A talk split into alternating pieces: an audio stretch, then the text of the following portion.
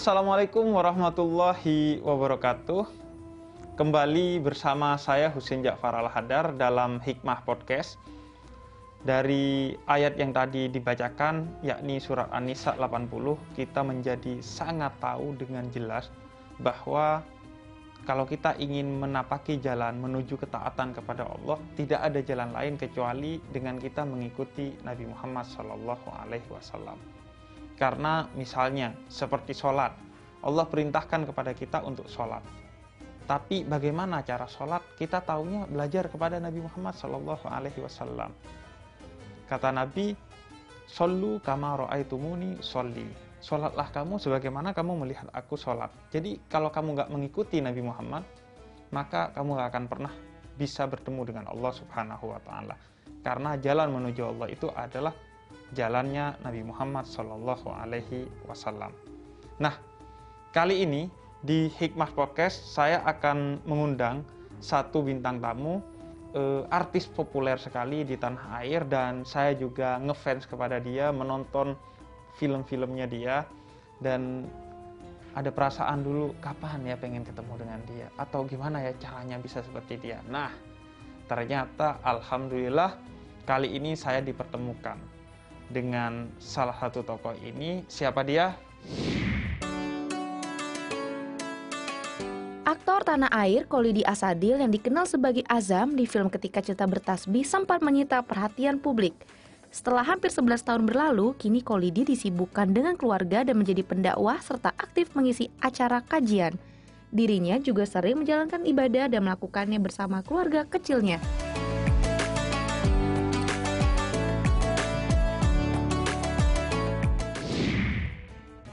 Nah, seperti yang saya janjikan tadi, sudah datang tamu kita, Mas Holidi Asadil. Iya. Apa kabar Mas Holidi? Alhamdulillah, Bismillah, Assalamualaikum warahmatullahi wabarakatuh. Waalaikumsalam warahmatullahi wabarakatuh. Jadi saya manggilnya Mas karena ternyata sama-sama Wong Jawa Timur ya?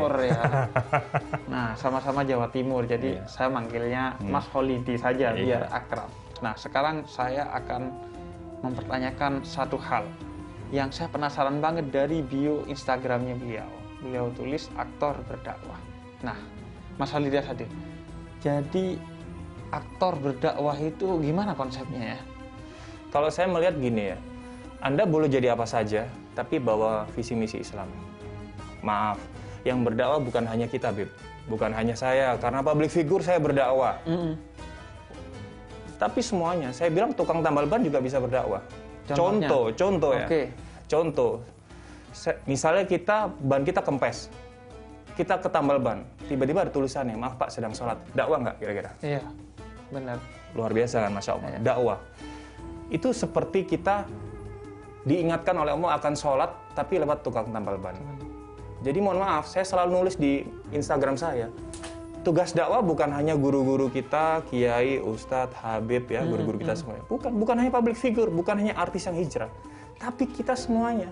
Oke. Gitu kan. Insan ini semuanya. Iya, saya jadi ingat kemarin. Kemarin saya cukur rambut. Iya. Itu yang yang nyukur serius ini cerita bener banget beberapa hari yang lalu. Jadi ketika nyukur setelah selesai, Habib eh, boleh foto nggak kata dia. Dia tahu kalau saya eh, Terkenal lah ya. konten dakwah gitu lah.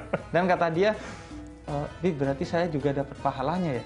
Kan karena Habib eh, cukur di sini, kemudian jadi rapi, dilihat bagus, dakwanya makin top tier kata dia. Nah, Itu dakwah juga ya. wasilah. Ya, saya selalu soalnya gini, kita motivasi orang, nggak semuanya kita berbicara depan uh, public figure kan. Yang kita motivasi justru kebanyakan anak remaja yang ingin menjadi sesuatu ya, gitu kan, somebody. Contohnya pengen jadi insinyur, dokter, saya bilang, Anda juga punya kewajiban untuk berdakwah. Dakwah. Bukan hanya ustadz loh, Anda jadi insinyur, arsitek, Anda jujur ketika ngitung-ngitung bangunan, Anda nggak curang, itu juga dakwah. Anda jadi dokter juga berdakwah.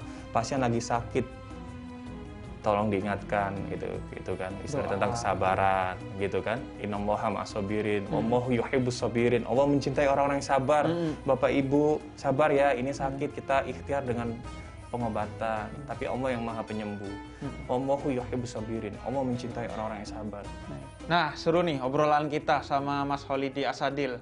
buat sahabat RTV eh, terus tonton. Ini kita akan terus ngobrol-ngobrol sama Mas Holidi di Hikmah Podcast.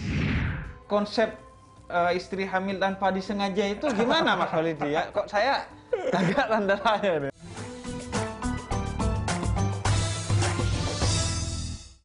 Oke, kembali lagi bersama saya Hussein Jafar Al-Hadar di Hikmah Podcast. Ngomong-ngomong soal dunia dakwah, Ya. Mas Holidi. Eh, dakwah itu kan pertama harus ke diri kita dan Yes. keluarga kita. Yes. Nah, saya dengar-dengar Mas Holidi ini eh, aktif juga berdakwah ke diri dan keluarga melalui amalan-amalan sunnah ya. Ya. Nah, apa aja tuh Mas Holidi biar jadi juga pembelajaran buat teman-teman yang nonton. Ya. Kalau yang wajib nih kayaknya teman-teman sudah, Sudah tidak oke. ya. Sudah tidak oke, bukan sudah oke, kayaknya belum oke. Jadi yang wajib juga harus ya. Tapi Ya, ya. juga yang sunnah nih, kalau apa aja yang biasanya dilakukan? Ya, saya alhamdulillah saat ini saya mempunyai dua orang putri ya, usia 4 tahun dan lima tahun. Nah, sekarang mau doanya nih. Ternyata tanpa disengaja Insya Allah saya punya, akan punya anak yang ketiga. Istri saya ternyata lagi hamil. Oh gitu. Enggak konsep eh, istri hamil tanpa disengaja itu gimana Mas Holidi ya? Kok saya agak tanda tanya nih. Nggak apa-apa nih ya, saya cerita dulu karena nanti saya baru jawab pertanyaannya. Iya. Intermezzo lah ya. Intermezzo. Jadi gini, dari dua bulan kemarin emang debatable. Ayo nambah anak lagi. Istri saya, ah istri saya ambil berkarir juga kan, ambil ngantor juga. Udah mas aku baru selesai S3. Istri saya Oh, kan istri selesai S3. baru baru selesai S3. Sebenarnya saya waktu nikah, istri saya udah kandidat doktor. S1, S2 di UGM, S3 di Undip Hukum Tata Negara. Udah kandidat dokter. Karena saya hamili, jadi cuti kuliah. Halal maksudnya setelah nikah. Iya, ya, iya, saya hamili setelah gitu nikah. kan. Kan ini segmennya juga buat anak remaja Iya, kan. betul. Karena saya hamili ya setelah nikah alhamdulillah jeda satu bulan terus istri saya hamil gitu kan. Jadi agak-agak bekerja keras untuk nyelesain kuliahnya. Iya. Akhirnya cuti sampai Oh. dua anak. Alhamdulillah ini selesai Hmm. baru doktor dan uh, kuliah. Apa istilahnya mau wisuda kan. Kemarin setelah nikah padahal sebenarnya udah kandidat dokter. Berikutnya hamil tidak disengaja maksudnya gini. Udah debatable dua bulan ini antara nambah anak. Saya bilang ntar kita tua kalau anak cuma dua sepi gitu kan. bener. Anak kita udah gede-gede udah yuk ini ini. Tapi aku ini mas gini gini yes yes lillahi taala. Saya telepon ibu saya bu anak loro kok eh kurang nih. Iya. Ya nopo le anak tiga bu gitu. Ya apa telu ini.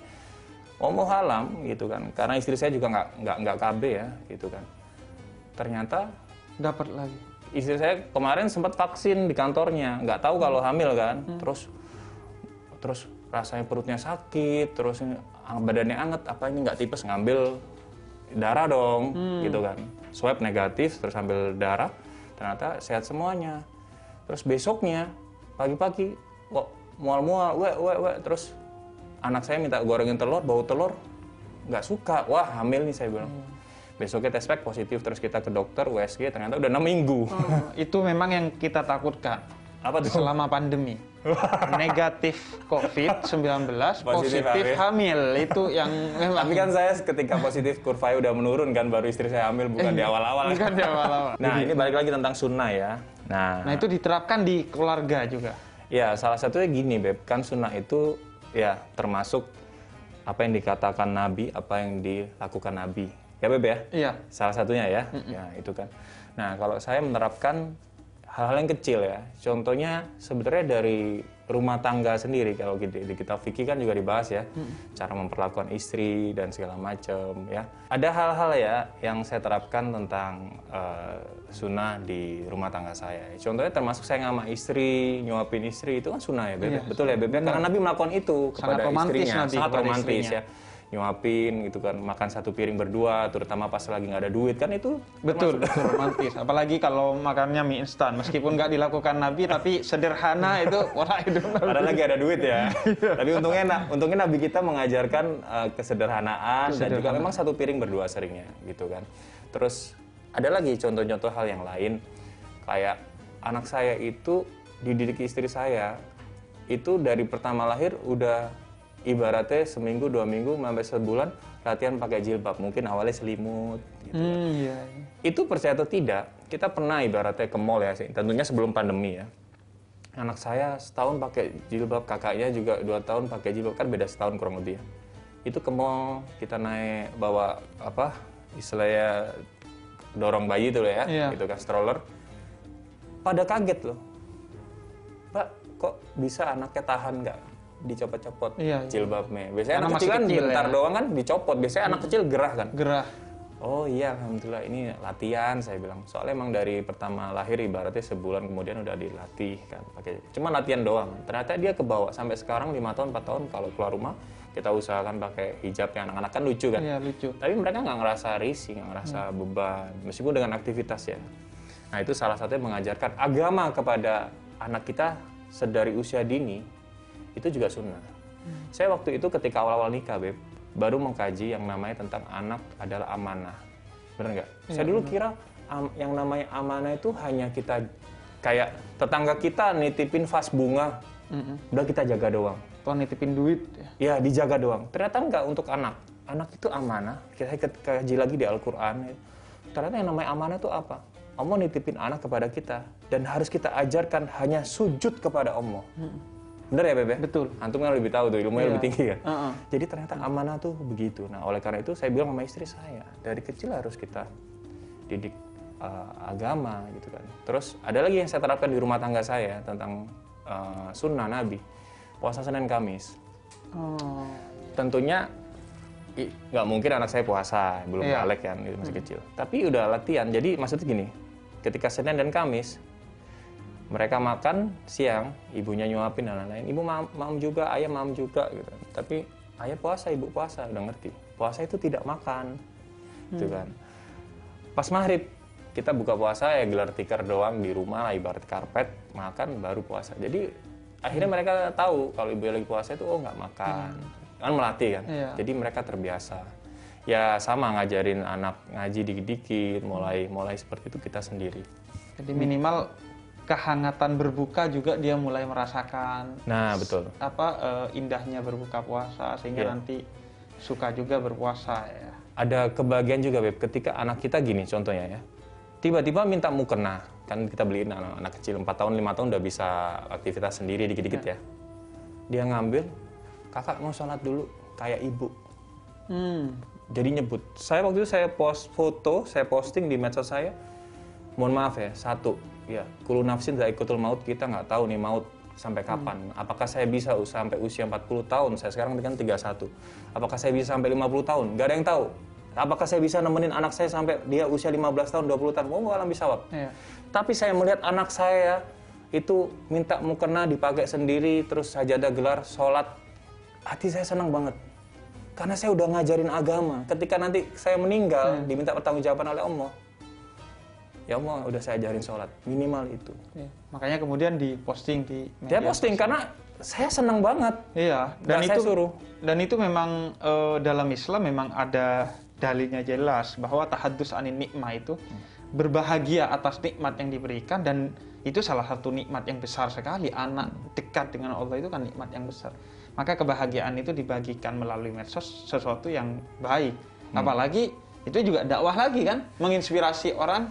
Kita akan lanjut ngobrol sama Mas Holidi seru sekali ini kita ngomongin banyak hal sudah dari tadi dari dakwah medsos, bagaimana mendidik keluarga dengan sunnah dan lain sebagainya.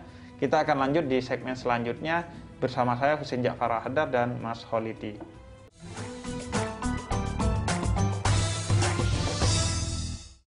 Ya, sahabat RTV, kembali lagi di Hikmah Podcast bareng saya Husin Ja'far Hadar. Nah, Mas Holidi, sekarang itu dakwah jadi mudah dan jalannya terbuka lebar. Di antaranya kan melalui media sosial ya. Di mana melalui media sosial saya dan juga Mas Holidi kan aktif dalam berdakwah dengan berbagai cara yang positif gitu. Nah, sekarang banyak dari followers eh, media sosialnya RTV yang juga kepo untuk bertanya tentang berbagai hal tentang agama. Nah, saya bacakan nih. Yang pertama dari Luri Arfi. Assalamualaikum. Saya mau tanya, saya punya teman ibadahnya bagus, sholatnya rajin, sering juga puasa Senin Kemis. Pokoknya yang wajib dan sunnah selalu dilakukan. Mantap. mantap Tapi yang nggak saya suka dari dia ini sering banget jelekin orang dan kata-katanya juga sering nyakitin dan menyinggung. Itu gimana ya? gibain orang ya Oke, iya. Suka gibahin. Ngatain orang dan gibahin orang juga. Nah, jadi begini. Eh, ibadah wajib dan ibadah sunnah itu tentu sesuatu yang penting banget. Itu yang menyelamatkan kita bukan hanya di akhirat, tapi kebahagiaan di dunia bisa digapai dengan itu. Ya. Tapi jangan kamu hanguskan semua pahala dari hal-hal yang wajib dan sunnah itu dengan kata-kata yang menyakiti hati orang lain. Hmm. Karena kenapa?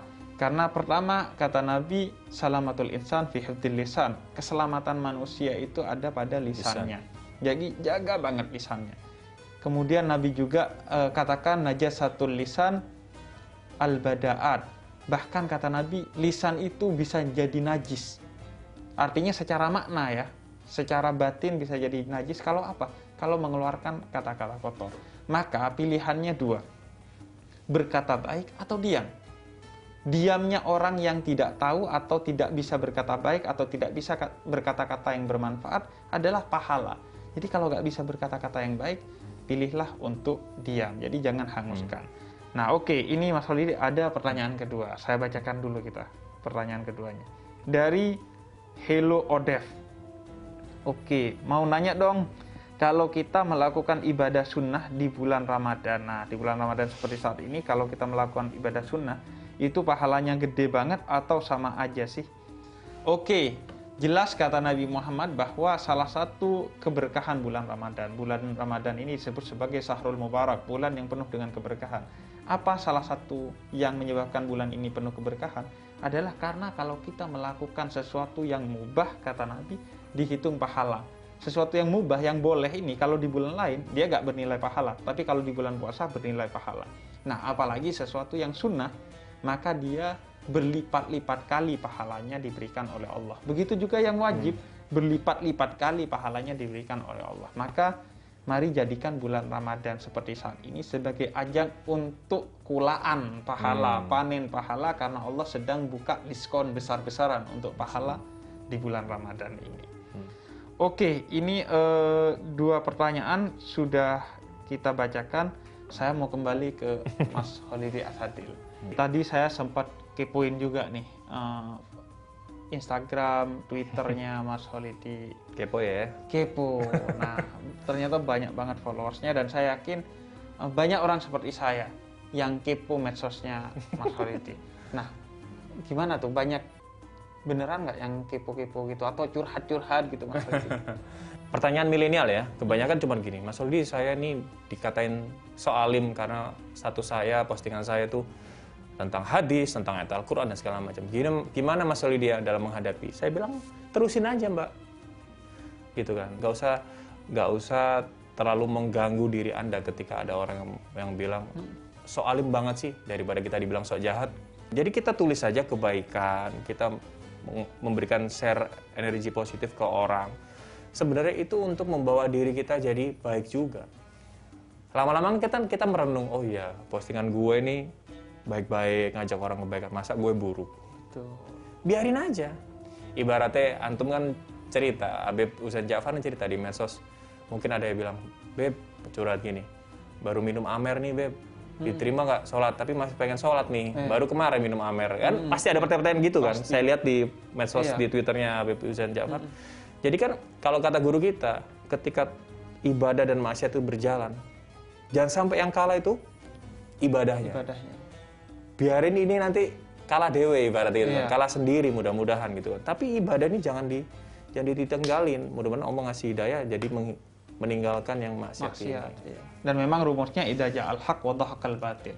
Kalau ketaatan dilakukan, kemaksiatan pasti akan pergi sendiri. Seperti ketika kita menghidupkan lampu, cahaya bersinar, kegelapan akan terusir dengan sendirinya. Oke, jadi begitu sahabat Hikmah Podcast, banyak pelajaran yang bisa kita ambil hari ini. Intinya adalah mari kita bukan hanya sekedar melakukan sesuatu yang wajib, mari kita tambah perindah diri kita dengan hal-hal yang sunnah. Karena dengan melakukan hal sunnah itu adalah bentuk komitmen dan wujud nyata dari kita mengikuti Nabi Muhammad Sallallahu Alaihi Wasallam. Dan siapa yang mengikuti Nabi Muhammad berarti dia berjalan menuju Allah Subhanahu Wa Taala dan insya Allah bukan hanya masuk surga tapi masuk surga bersama Nabi Muhammad Sallallahu Amin. Alaihi. Wasallam. Oke, itu bincang-bincang kita pada kesempatan kali ini bersama Mas Holidi dan semoga bermanfaat. Jangan lupa di tengah kondisi pandemi saat ini jangan lupa untuk 3M memakai masker seperti kita dari tadi ngobrol pun tetap selalu pakai masker, nggak pernah dicopot. Kemudian selalu rajin cuci tangan, Uh, bahkan di luar pandemi pun kita sebagai umat Islam wajib selalu cuci tangan karena itu sunnah Nabi Muhammad. Apalagi di tengah pandemi saat ini bukan hanya sunnah tapi sudah menjadi wajib. Dan yang ketiga jangan lupa untuk selalu menjaga jarak secara fisik. Yang dekat hatinya saja. Jadi secara fisik tetap harus jaga jarak minimal 1 sampai 2 meter seperti yang kita lakukan pada saat ini. Wassalamualaikum warahmatullahi wabarakatuh